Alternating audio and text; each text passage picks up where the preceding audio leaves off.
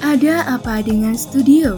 Season 2. Ngobrol-ngobrol tentang studio perencanaan permukiman kota dari berbagai sudut pandang.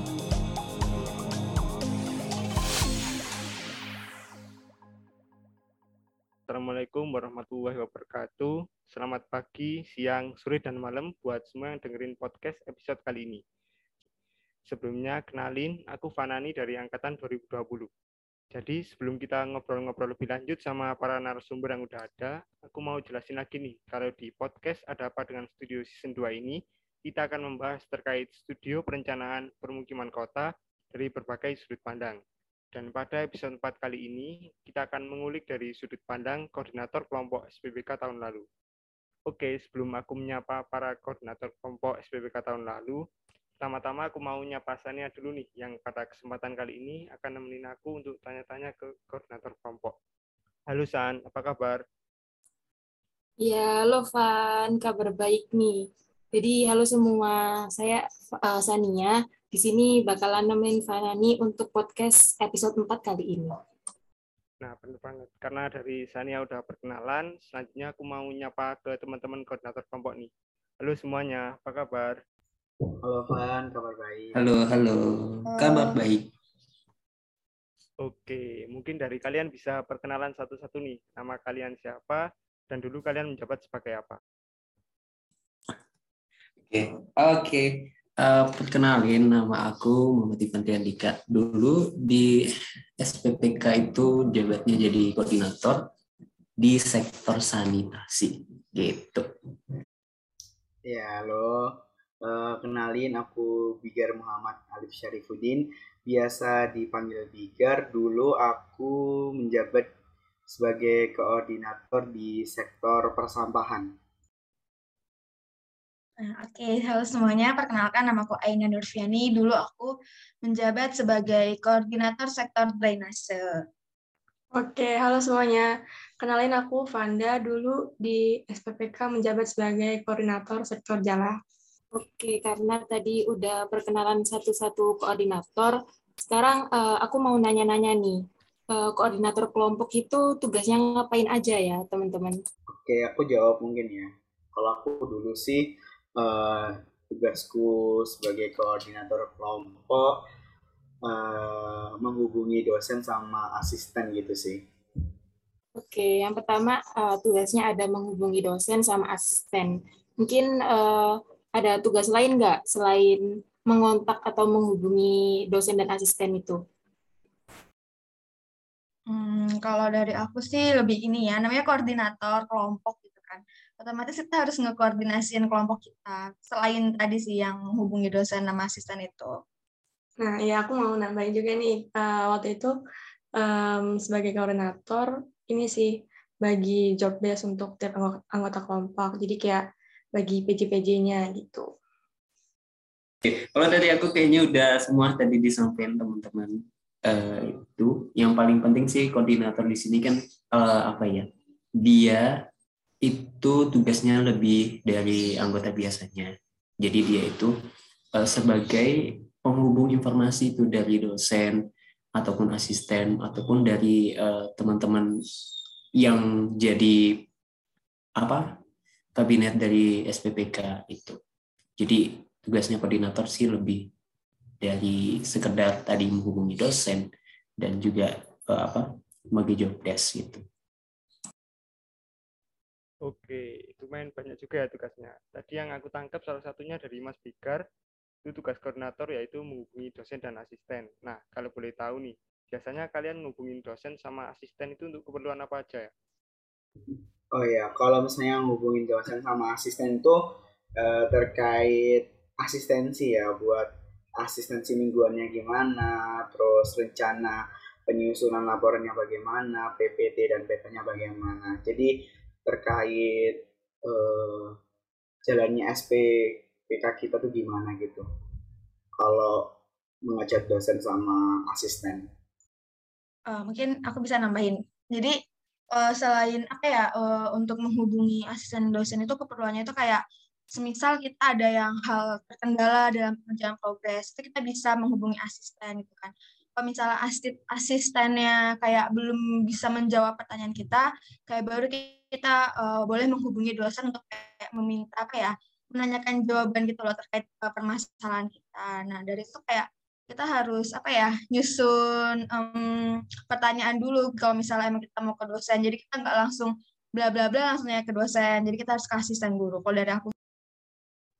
Oke, dari yang aku tangkap ini ada beberapa ya. Yang pertama uh, menghubungi saat asistensi, lalu juga uh, menghubungi buat pengerjaan progres dan konsul dan konsultasi kalau kita ada kesulitan-kesulitan. Iya, oke. Okay. Jadi untuk keperluan uh, menghubungi dosen itu alasan-alasannya uh, udah kalian sebutin. Nah, tapi di sini aku mau nanya, uh, kalian biasanya pakai media apa ya buat menghubungi dosen sama Mas Mbak asisten itu tadi? Uh, aku mau ini ya, coba sharing. Jadi kemarin itu sih di SPPK kita pakai Slack ya, jadi kayak aplikasi gitu. Uh, jadi semua informasi, misalkan dari koordinator dari dosennya uh, bakal informasinya lewat Slack. Nah, tapi itu juga sebenarnya sesuai dengan uh, kesepakatan sih uh, sama uh, TA-nya. Misalkan TA-nya ternyata bisa dihubungi lewat media lain kayak WA online, itu sesuai kesepakatan gitu. Kalau uh, untuk hubungin dosen mungkin biasanya lewat WA ya. Ya, uh, kalau dari aku setuju sih tadi kata Wanda, yang awal-awal itu kita pakai selain sih, karena itu apa ya arahan langsung dari koordinator dosen pas saat uh, apa namanya mau mulai studio. Tapi beriring waktu ya fleksibel aja untuk menghubungi asisten itu uh, dari aku dulu itu dari line bisa, dari WA bisa, SMS bisa. Tapi kalau untuk dosen sih lebih ke WA gitu. Karena yang di selain itu enggak apa ya enggak semua dosen masuk. Oke. Aku mau nambahin juga, boleh nggak? Iya iya, gimana nak? Jadi beberapa dosen tuh kadang ada yang meminta kita nggak lewat WA atau Slack itu beberapa dosen juga ada yang meminta lewat email. Jadi gimana ya kalian balik lagi menanyakan ke dosen pembimbing kalian, ke kalian kayak lebih ke mana kayak gitu untuk kayak media perantaranya itu pakai apa kalau aku kayak gitu. Ya mau nambahin juga. Jadi benar yang dibilang sama teman-teman tadi itu udah benar. Kalau chat dosen atau asisten itu uh, lebih fleksibel gitu tergantung kesepakatan kalian sama dosennya tuh mau lewat mana gitu ada yang lewat WA ada yang lewat email dan kalau misalnya informasi besar emang disebarin lewat Slack gitu tadi. Oke, berarti bisa aku simpulin kalau media utamanya SPTK 2021 kemarin itu uh, adalah Slack. Tapi untuk keperluan dosen dan asistennya dikembalikan lagi ke uh, mereka. Untuk medianya bisa WhatsApp, Line, ataupun email. Gitu ya. Oke. Okay. Oke, kalau untuk media udah beres. Kira-kira ada kesulitan-kesulitan nggak sih waktu kalian hubungin dosen dan asisten? Kayak misal dari mereka slow respon atau gimana gitu, mungkin bisa dijelasin. Uh, mungkin aku mau dulu. Kalau dulu aku kesusahannya itu karena dosen pembimbingku lagi ada di luar pulau, jadi keterbatasan sinyal untuk jawab dan merespon uh, chatku itu emang agak lama dan perlu follow up lagi gitu. Hmm. Kalau dari aku sendiri waktu itu kebetulan dapat uh, apa namanya dosen pembimbing yang tengah-tengah sih, kadang Flores, kadang fast race gitu. Jadi kalau misalnya itu kita menghubungi itu jauh-jauh hari sebelum kayak hari presentasi kayak gitu. Kalau misalnya tiba-tiba ibunya apa namanya uh, kayak selores kan jadi kita nggak mepet-mepet banget sama hari presentasi kan terus juga kalau misalnya event kita menghubungi pas lagi apa namanya jauh-jauh hari kita ada apa ya kayak ada progres yang kita bawa gitu loh nggak kosongan. Kayak jadi ntar nggak sia-sia asistensi sama dosennya kayak gitu. Ya aku mau nambahin ya. Kalau kemarin itu sih kesulitan hubungin TA kayaknya nggak ada ya. Uh, cenderung fast response sih, palingan kayak telat satu lama satu jam dua jam lah. Cuman yang agak susah sih ngehubungin dosennya sih, karena kadang tuh cuman dirit doang, nggak dibales gitu sih kesulitannya. Oke, kalau dari yang aku simpulin, kalau untuk kesulitan, kesulitan mungkin lebih ke kesulitan menghubungi dosennya. Kayak mungkin dosennya ada urusan lain atau gimana yang mengakibatkan uh, dari dosennya sendiri itu slow respon kayak gitu.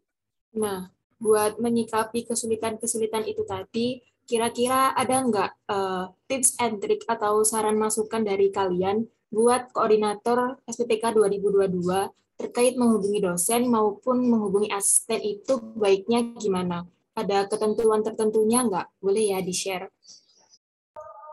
Uh, kalau saran dari aku, uh, gimana ya? Coba chat di jauh-jauh hari. Kalau misalnya emang belum dibalas-balas, tetap di follow up setiap harinya. Tapi jangan di uh, jangan di spam gitu. Jadi tetap dikoordinir dengan baik itu sih kalau dari aku. Oh ya kalau tambahan dari aku untuk asisten ya kayak pas awal-awal tuh uh, kayak koordinator kelompok bikin apa ya kayak perjanjian gitu sama asisten terkait jam yang bisa apa ya kayak batasan jam lah untuk menghubungi itu kapan. Soalnya kan kalau sama dosen kita udah tahu kan batasannya kan kalau sama asisten kadang ada asisten yang welcome aja sampai 24 jam dihubungi tapi beberapa asisten ada yang nggak mau kayak gitu. Kalau aku dari gitu sih untuk ketentuannya selain sopan santun tuh harus perlu ya gitu. Ya setuju banget sih sama Aina. Jadi kayak kalau untuk ke asisten bisa uh, ditanyain dulu kayak kapan waktunya. Nah, terus uh, tambahan lagi nih, kalau mau uh, ngechat dosen nih, kan biasanya kan lewat WA, kan? WA kan? Jangan lupa tuh pasang uh, foto profilnya dulu, supaya uh, dosennya juga tahu nih, ini siapa nih yang ngechat, biar bisa nggak uh, kosongan lah PP-nya istilahnya. Terus ini sih, kalau mau ngechat dosen itu waktunya di jam-jam kerja, jangan lewat jam 7 malam itu kan, soalnya dosennya kan juga mau istirahat kan. Nah, terus um, kemarin itu sih uh, bagi tugas sih sama koordinator uh, yang lain. Misalkan hari ini siapa nih yang ngechat? Terus besoknya gantian siapa? Gitu. Jadi biar um, dosennya juga kenal ada koordinator-koordinator lain. Gitu Oh ya itu betul banget yang foto profil WhatsApp itu ya. Jangan sampai jangan sampai kalian pakai Alpha Korea gitu. Tahu kenapa dah Oke, makasih Mas Mbak buat tips and triknya. Semoga bisa dijadikan masukan buat koordinator SPPK 2022 ya. Sangat-sangat menarik nih tips and trik yang sudah diberikan barusan. Nah, selain menghubungi dosen dan asisten, koordinator kan juga punya tugas lain, kayak misal harus koordinasi sama kelompok lain atau sama sektor lain. Nah, kalau dari kalian sendiri, koordinasi yang dilakukan itu apa sama semua sektor atau sektor tertentu aja dan koordinasinya itu terkait apa aja? Mungkin bisa dijelasin. Oh, oke, okay. dari aku dulu ya Mas Richard. Di sini. Iya, ya, siap, siap, Mbak. kalau dari aku kebetulan kita aku sektor drainase kan dan otomatis kayak pasti kita berhubungan sama seluruh sektor kayak kayak uh, apa namanya koordinasi itu terkait apa kayak minta data kayak gitu. Kalau misalnya waktu itu tuh dari drainase waktu LHS itu kita minta kayak sama data bergantungnya sama data air, air bersih sama tim integrasi kayak gitu-gitu. Kalau dari aku sih kayak gitu.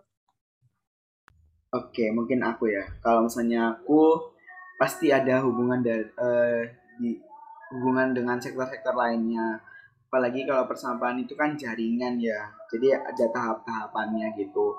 Kalau dari aku pasti juga butuh data dari integrasi database, terus juga data dari perumahan, sarana, jalan itu juga dibutuhin di persampahan.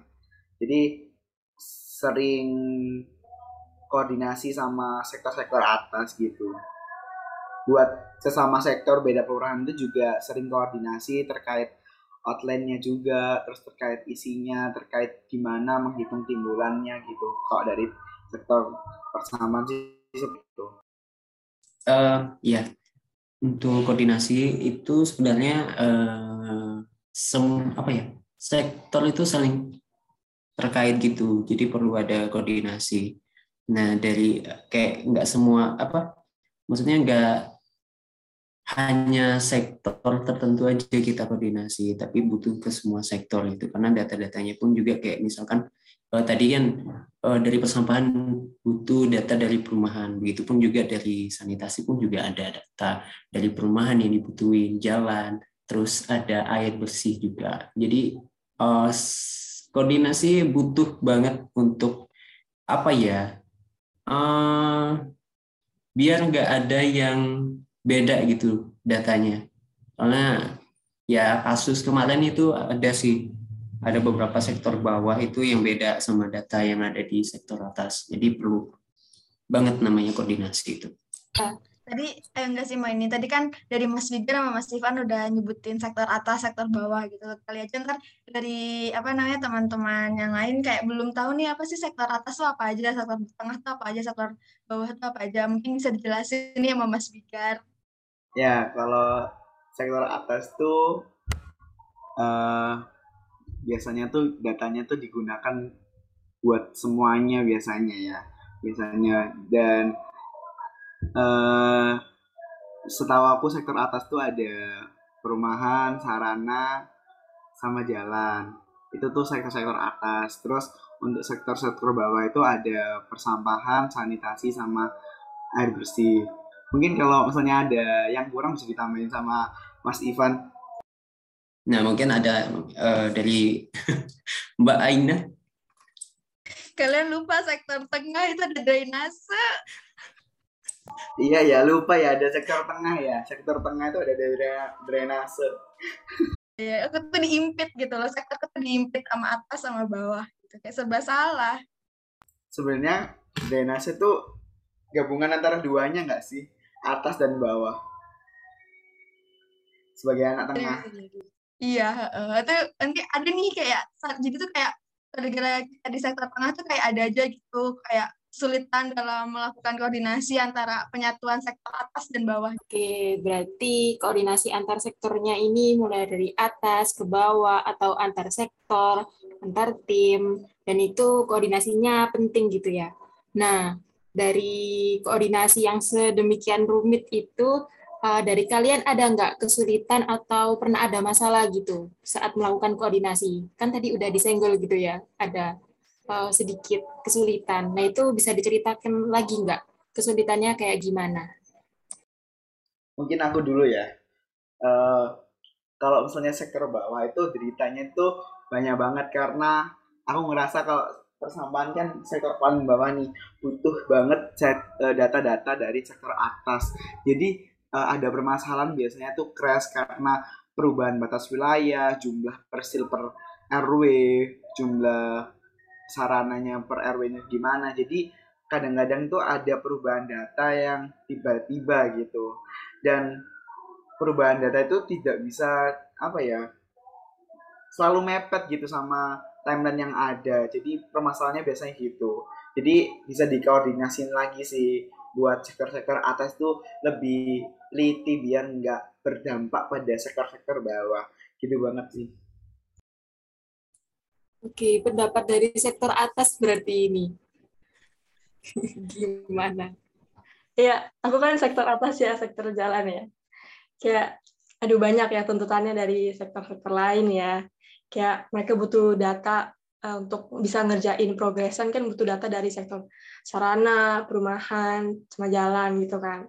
Nah, sementara ini tuh dari sektor jalan sama sarana perumahan sendiri ini tuh sering tabrakan gitu itunya rencananya terutamanya terutamanya karena ini sih misalkan ada um, sektor perumahan sama sarana ada rencana untuk penambahan nih penambahan sarana atau perumahan nah uh, sementara uh, sektor jalan juga butuh ini pelebaran jalan nih misalkan nah pasti kan kalau mau pelebaran jalan kan ya mau nggak mau ada yang di samping-sampingnya ada sarana atau perumahan kan harus ini kan ya harus ya mau nggak mau ada rencana lain gitu kan. Nah itu harus dikoordinasiin lagi sih supaya nggak ada yang tabrakan.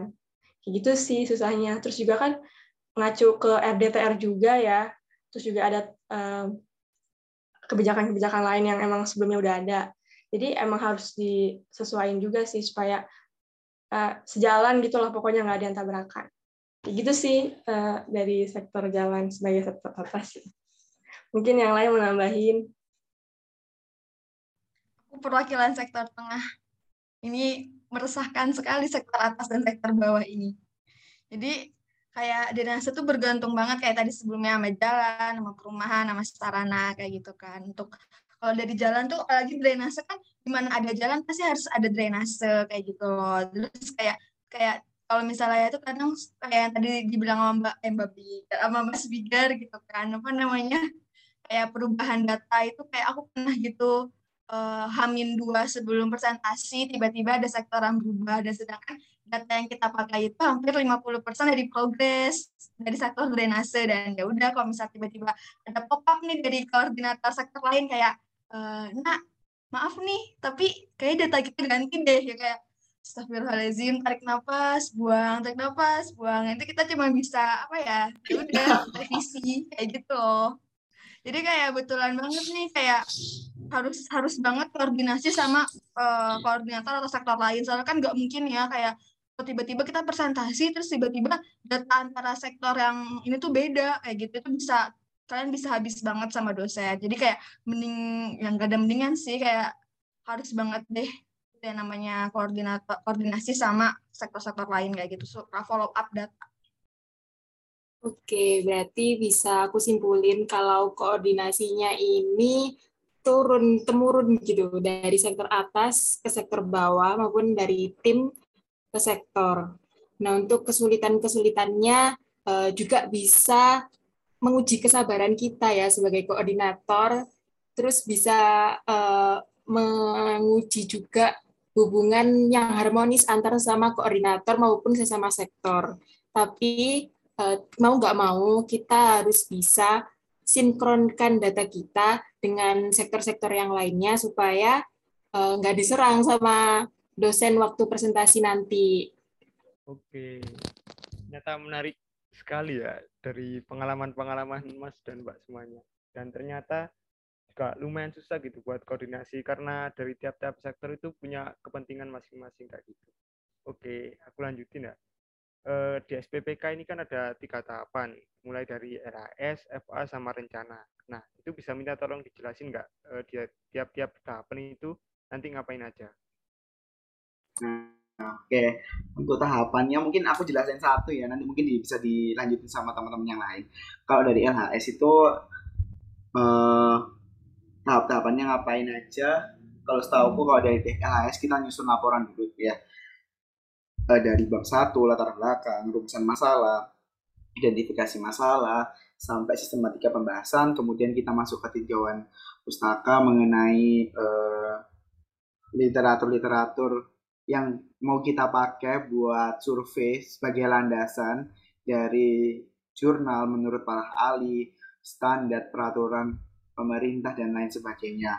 Kemudian di bab 3 itu uh, isinya metodologi penelitian uh, metode apa yang mau kita gunakan buat menjalani kegiatan survei itu tadi. Dan di dalam bab 3 itu tadi uh, isinya juga ada desain survei kayak gimana cara kita uh, memperoleh data yang akan kita cari waktu survei itu tadi. Untuk bab 4 itu ada gambaran umum wilayah, kemudian ada data-datanya juga. Nah, di data-data ini kita dapatkan dari kegiatan survei. Untuk surveinya itu emang harus dipersiapkan dan disesuaikan sama desain survei uh, terkait data yang dibutuhkan tadi. Jadi nggak bisa ngasal gitu tadi. Uh, untuk surveinya itu tadi uh, bisa digabungin sama sektor-sektor lainnya biar bisa jadi satu kegiatannya gitu sih. Mungkin untuk kegiatan FA sama rencana bisa dilanjut. Nah, kayak tadi yang Mas Bigar sebutin kan yang LHS. Nah, untuk FA tuh lanjutan dari tahap LHS. Itu kayak di tahap FA ini kita uh, nentuin analisis-analisis atau alat-alat yang mau kita pakai yang mau untuk mengolah data yang tadi kita dapat dari survei. Kalau dari aku kayak gitu untuk tahap FA mungkin rencana bisa berlanjut. Dari aku lagi ya mungkin ya, kalau rencana ya. Dari hasil analisis tadi, kita kan memperoleh tuh potensi dan masalahnya, peluang sama ancamannya dari sebuah uh, penelitian kita analisis sebelumnya dengan metode-metode yang udah kita cari gitu ya dari potensi dan masalah itu kita membangun sebuah uh, membentuk sebuah rencana yang disandingkan dengan hasil kebutuhan proyeksi eh dengan proyeksi kependudukan dan kebutuhan-kebutuhan lainnya. Jadi rencana itu bukan sekedar hanya merencanakan dari masalah-masalah yang ada, tapi harus dipertimbangkan dari jumlah penduduknya, jumlah eh, pelayanannya dan sebagainya. Jadi nggak bisa asal direncanain gitu aja. Ya, uh, aku mau nambahin dikit. Yang buat direncana ini, ini juga sih harus disesuaikan juga sama kebijakan yang udah ada sih. Jadi um, rencana yang kita buat itu juga sejalan sama RDTR atau RTRW gitu sih. Jadi intinya di LHS itu ya kita cari datanya. Setelah udah cari datanya di FA itu kita analisis datanya itu untuk dapat output tadi. Itu apa namanya? Uh, potensinya apa sih? Peluangnya apa yang perlu dikembangin di wilayah itu? Nanti ya di rencana kita nyusun program-program ataupun uh, apa namanya? pengembangan-pengembangan apa yang perlu dibenahi dari uh, mungkin sektor pesampahan apa yang perlu dibenahi sanitasi air bersih jalan dan drainase. Gitu. Oke, oke. Jadi tadi kita udah bahas tentang pengerjaan progres mulai dari di tahap LHS atau laporan hasil survei, fakta analisa, dan rencana. Nah, sekarang kita beralih ke tahap akhir atau yang biasanya kita nanti-nantikan nih, yaitu presentasi. Nah, untuk SPPK 2021 kemarin kan kita presentasinya full online. Uh, itu bisa diceritain nggak gimana kondisi tiap room? Mungkin bisa urut Mbak dari room satu dulu Mbak. Oke, karena kemarin ada tiga room. Room satu dulu. Mau cerita silakan uh, ya udah tak jelasin dulu mungkin yang room satu ya. Kalau dari room satu itu uh, yang setahu aku dosennya itu untuk database itu ada Pak Rizal, terus perumahan itu ada Pak Nyoman, terus yang sarana itu ada Pak Edi, bener kan? Benar. Nah itu ada dosen-dosennya yang bakal ngoreksi dari PPT kalian, pengerjaan kalian itu gimana, penyepahaman kalian itu gimana tentang uh, pengerjaan yang telah kalian kerjain itu tadi. Mungkin bisa lanjut ke room 2. Ayo, nak. Dari room 2 tuh ada jalan, drainase sama integrasi. Untuk integrasi ini Bu Ima, terus jalan nih waktu itu Butika, dan untuk eh salah salah sorry, sorry untuk drainase butika. Terus Prof Budi ini megang jalan ya udah. Begitu urutannya tuh kayak kita urutan presentasinya bebas sih kayak hamin ha, sehamin satunya tuh kayak ditentuin dulu kayak misalkan kan ngikutin dosen juga kadang dosen kan jadwalnya nggak tentu kayak kadang kayak dosen ada yang dia hadirnya itu misalnya pagi berarti sektor itu presentasinya pagi kayak gitu tapi kalau misalnya dosen hadir semua biasanya itu integrasi uh, jalan drainase urutannya gitu kan. Nah, waktu itu kebetulan uh, dosen pembimbing drainase tuh nggak bisa untuk sore hari atau siang, jadi kita minta urutan kedua gitu kan. Dan habis itu, habis integrasi nih, videonya nih ngadet jalan, eh nggak bisa keputar gitulah intinya gitu kan. Jadi kayak pas banget habis itu kelompok aku yang presentasi dan kebagian aku yang presentasi. Jadi kita kayak ya udah ya mengalir aja PPT, baca PPT kayak gitu dengan kondisi dadakan. Setelah itu room 2 kita nggak bikin video, jadinya kita setelah kejadian itu kita PPT uh, eh, presentasi pakai PPT kayak gitu. Oke, mungkin ke room 3 ya. Room 3 ini isinya sektor bawah. Ada air bersih, uh, dosen pembimbingnya Bu Didi, sanitasi Pak Denny, buat persampahan ada Bu Wulan ya. Kondisinya gimana ya? Kalau misalnya di, di room 3 itu sangat ketat terkait data apalagi eh, ya terkait data lah pokoknya data itu harus konkret harus jelas kenapa dihasilkannya segini bagaimana memperolehnya bagaimana prosesnya bagaimana tahapannya itu harus benar-benar jelas uh, kalau di room 3 itu memang ketat banget kalau masalah penjelasan data, gimana kalian bisa dapat datanya itu gimana, cara analisisnya itu gimana. Kalau kondisi yang waktu presentasi di room 3 itu dulu uh, sempat juga udah buat video ternyata harus presentasi pakai uh, secara langsung gitu.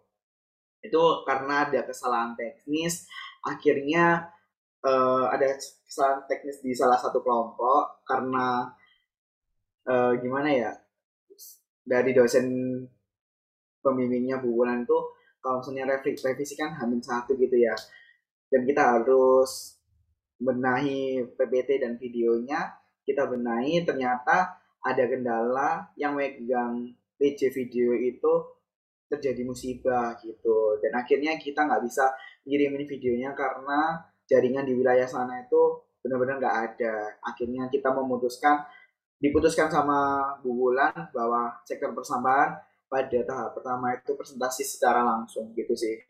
Jadi uh, presentasinya nggak melalui video. Kalau saranku ke depannya bisa dipersiapkan dan yang megang drive video itu nggak hanya satu orang biar nggak terjadi kesalahan seperti ini.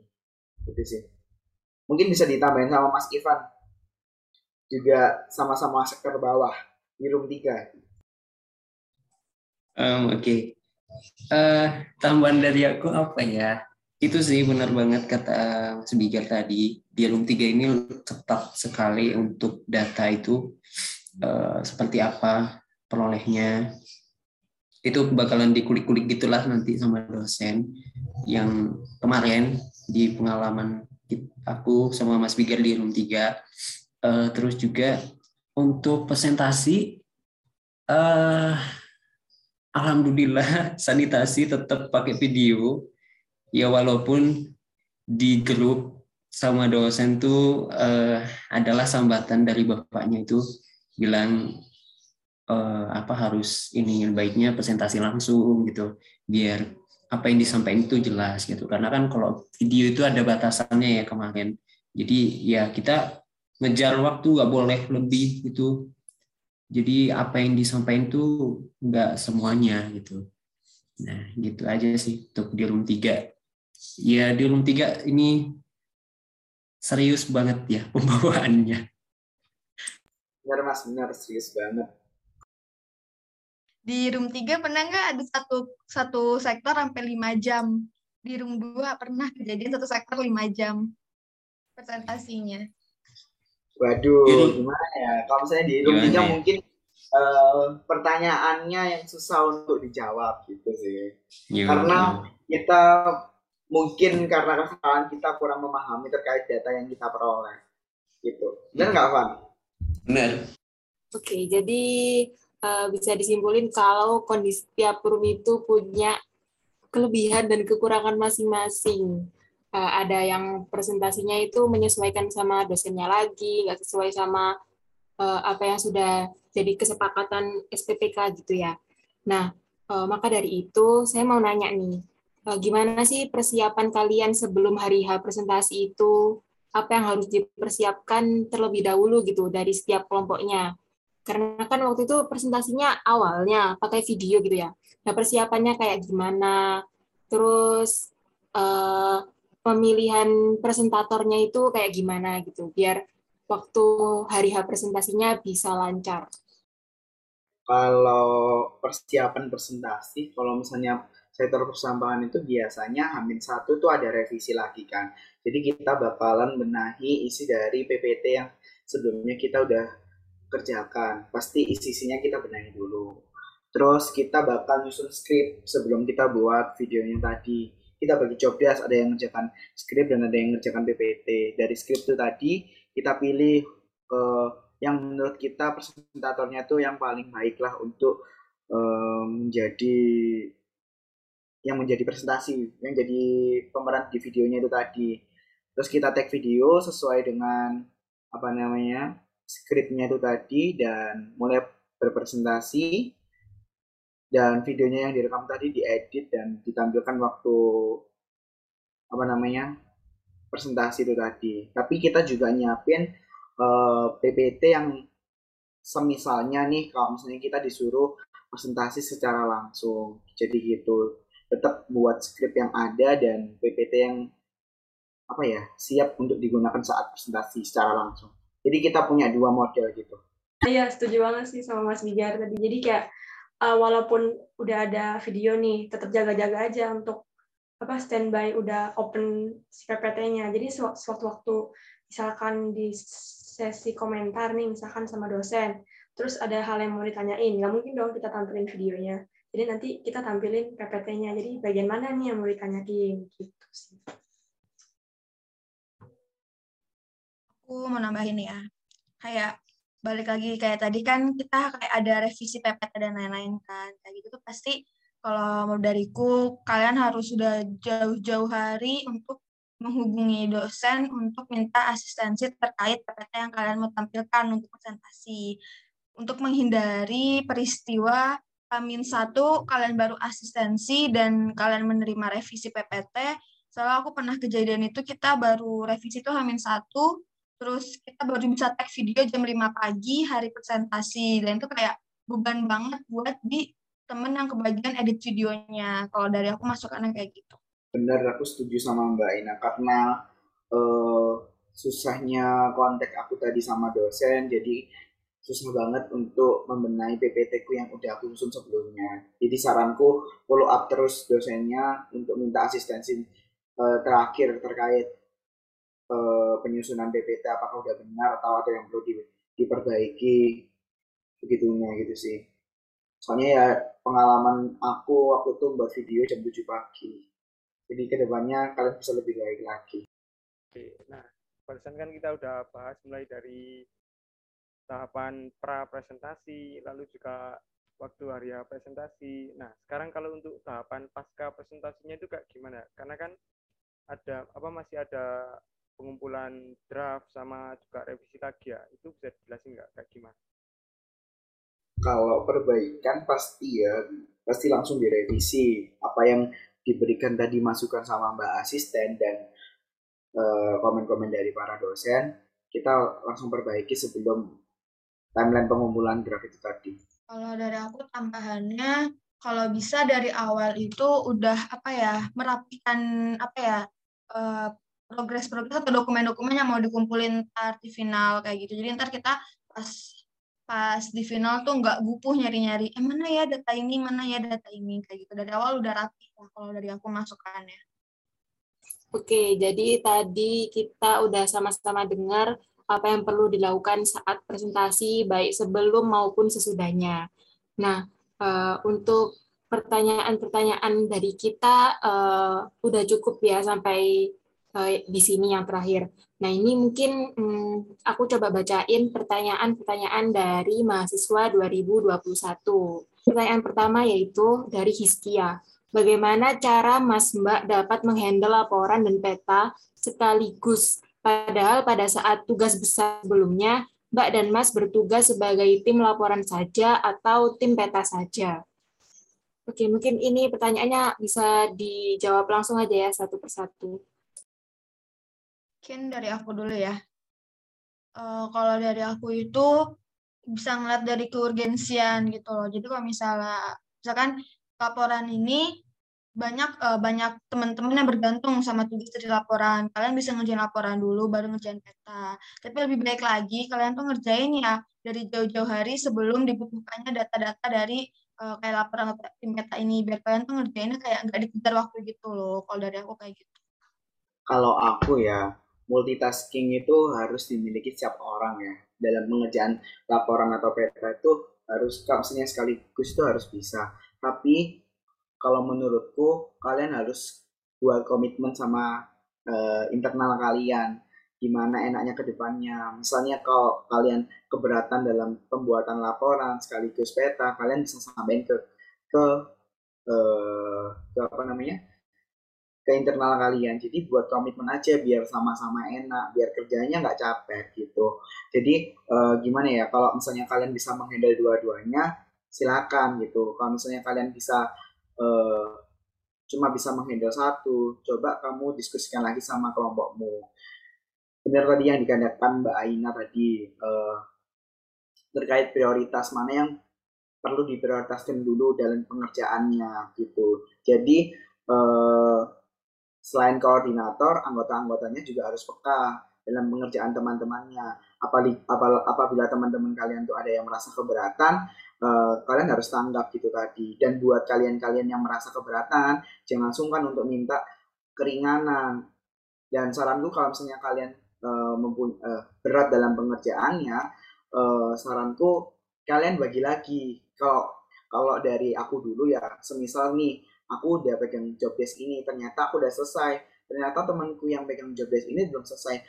Ya segera dibantu gitu. Bukan bukan berprinsip dari uh, job desk apa yang aku punya kalau udah selesai ya sudah nggak peduli sama temanku yang lainnya. Itu saran masukan dari aku sih. Kalau misalnya kalian punya cara sendiri ya monggo gitu sih. Kalau aku biar lebih efektif dan lebih enak kerjanya ke depan sama satu kelompok gitu. Oh ya yang paling penting bonding. Oke makasih atas jawabannya Mas Fikar uh, ini ada pertanyaan lagi nih. Pertanyaan kedua ini dari Khairi Atala. Untuk pertanyaannya jika ada anggota kelompok yang susah untuk diajak kerjasama terkait mata kuliah studio ini, bagaimana saran atau cara agar orang tersebut sadar dan mau ikut berpartisipasi dalam kelompok tersebut? Dikarenakan dalam studio ini diperlukan peran aktif seluruh anggota kelompok. Mungkin bisa dijawab dulu. Kalau misalnya dari aku nih, eh, gimana ngajak teman yang susah lah gitu buat berprogres bersama gitu ya. Dulu uh, aku juga ada sih teman yang susah untuk diajak progres. Tapi uh, aku percaya kalau setiap orang itu punya kemampuannya masing-masing. Jadi aku pasti uh, gimana ya harus paham. Kita harus paham gimana kompetensi setiap orang itu gimana. Jadi jangan memaksakan orang untuk mengerti dalam satu hal tadi. Mungkin dia bisa lebih ber, potensi di lain bidang. Nah, pentingnya komitmen yang dibuat saat kalian apa ya bonding itu bisa membantu kalian ke depannya lebih enak gitu tadi. Jadi kalian eh, bicarakan aja santai-santai sama teman-teman kalian. Ini saran dari aku sih bonding ke depannya mau gimana, pengerjaan laporannya gimana, pembagian jobdesknya gimana. Kalian cari, kalian musyawarah lah katakanlah gimana cari cari titik tengah biar kalian tuh sama-sama enak dalam berprogres. Gitu sih kalau dari aku. Mungkin dari taman mas mbak lainnya ada. Oke aku nambahin ya. Uh, untuk pertanyaan itu sih apa namanya uh, ketika teman ada yang sulit diajak kerja sama untuk pengerjaan studio itu itu kembali lagi ke internal tim sih. Itu karena kan permasalahan tim ya. Jadi uh, solusinya itu dari teman-teman yang lain juga ik harus ikut ini ya. Karena uh, apa ya orang-orang kayak gitu tuh pasti ada di setiap uh, tim gitu pasti ada. Nah uh, tinggal kita aja sih lebih dekat sama mereka biar mereka itu apa ya kesannya uh, kita nggak ninggalin mereka gitu loh. Karena mau gimana studio ini kita sama-sama harus kerjain sama-sama prosesnya juga harus sama-sama dan selesainya pun juga harus sama-sama. Jadi ketika ada permasalahan kayak gitu dibicarakan sama teman-teman timnya itu bagaimana untuk uh, apa namanya ketika memiliki teman yang uh, kurang bisa diajak kerja sama gitu. Pasti seperti apa yang tadi dibilang speaker itu uh, semua orang punya kompetensi yang berbeda-beda gitu. Dia punya kelebihan yang beda-beda gitu. Jadi kita perlu pendekatan yang lebih sih untuk mereka-mereka yang seperti itu. Tapi jangan uh, apa ya jangan sampai ditinggalin teman-teman yang kayak gitu. Karena mereka juga uh, mungkin masih malu masih apa ya sungkan untuk nimbrung saat uh, apa pengerjaan job desk ataupun zoom zoom bareng gitu. Gitu sih dari aku Ya, aku ini ya mau masuk dikit. Jadi kan tadi kan intinya kayak uh, supaya ada pendekatan internal gitu kan. Nah terus uh, menurut aku uh, bisa juga sih pendekatan personal gitu. Misalkan kayak tiba-tiba ada anggota yang hilang gitu kan. Bisa tuh di kita PC tanya kondisinya. Kali aja um, yang anggota ini uh, masih malu-malu nih untuk ngomong di grup. Jadi kita bisa pendekatan personal kita PC kira-kira ada kesulitan apa supaya bisa saling bantu gitu sama teman-teman yang lain juga. Itu sih dari aku. Nah, aku mau nambahin kayak tadi terkait ada teman yang bisa dikabari, kan kita biasanya berkomunikasi lewat kayak media sosial kayak Line, WhatsApp gitu. Kalian mungkin pas awal-awal kalian bisa minta kontak darurat atau nomor yang bisa dihubungi dengan SMS atau biasa. Soalnya kan kita nggak tahu kayak, kayak kondisi kayak gini kan kita terpisah-pisah gimana ya. Kita ada temen yang emang tiba-tiba tuh dia lost contact karena nggak bisa terhubung sama internet di rumahnya. Jadi kita bisa nelfon lewat via pulsa atau kayak gimana. Padahal dia niatnya nggak hilang, cuman karena ada satu dan lain hal, jadi dia tiba-tiba hilang. Jadi kalian bisa menghubungi mereka tuh lewat kayak pulsa, SMS, gitu. Atau menghubungi kayak orang yang bisa dihubungi dia, kayak mamahnya, orang tuanya, kakaknya, kayak gitu. Oke, oke. Jadi itu tadi uh, tips and trick ya, biar anggota itu semakin dekat biar nggak hilang-hilangan dan kerja kelompoknya juga jalan. Oke, itu tadi pertanyaan kedua dan sekarang pertanyaan terakhir dari Sultan Arif Fatona. Eh, pertanyaannya, bagaimana cara untuk mengatur pembagian job desk antar anggota kelompok supaya tidak ada yang terlalu mengerjakan semua atau terlalu sedikit mengerjakan sesuatu? Mungkin kalau ini masalah adil nggak adil dalam pembagian job desk ya. Kalau dulu prinsipku itu adil itu bukan berarti harus sama. Siap. Eh, pasti kan dari kalian tuh ada yang tim database, tim integrasi, dan ada yang lebih bisa mengerjakan peta gitu kan ya.